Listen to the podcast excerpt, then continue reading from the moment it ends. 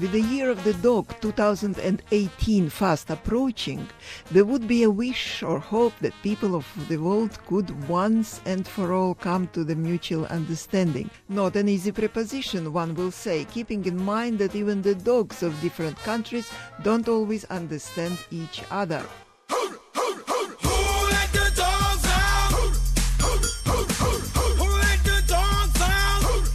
Can be more simple or obvious than a bark of a dog?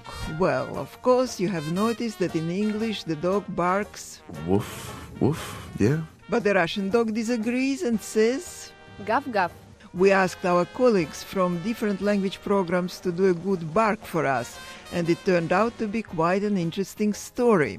The first discovery was that only in Greece the dogs bark the same way as in Russia. Gav gav. Even the Ukrainian dog has its own accent. Hav hav. As it could be expected, diversity in India. The dog barks in Hindi. Bhav bhav. Different story in Punjabi. Punjabi dogs, let me think. Woof woof. It will be very well understood by a Cambodian dog. Hoof woof.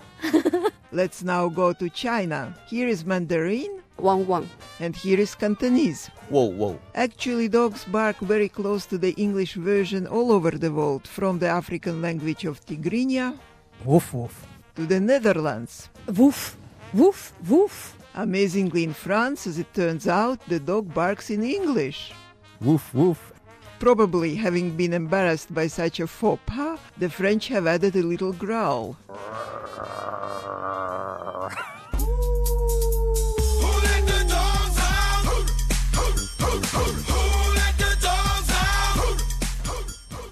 Quite originally, the dog barks in an African language of Dinka, Hoof hoof. and in Thai, Hong hong. and in Korean. Mong mong. Let's see what the Slavs are doing.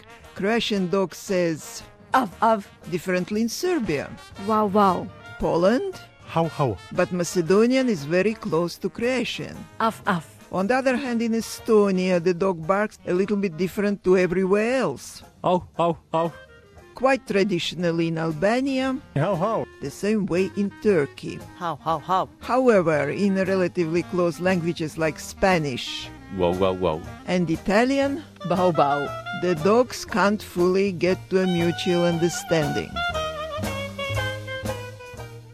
But does it really matter that the dogs might not understand each other in the year of the dog 2018? I think we should still concentrate more on humankind. Yes, hopefully total understanding will prevail one day over all language barriers. In the meantime, Happy New Year from SBS Radio.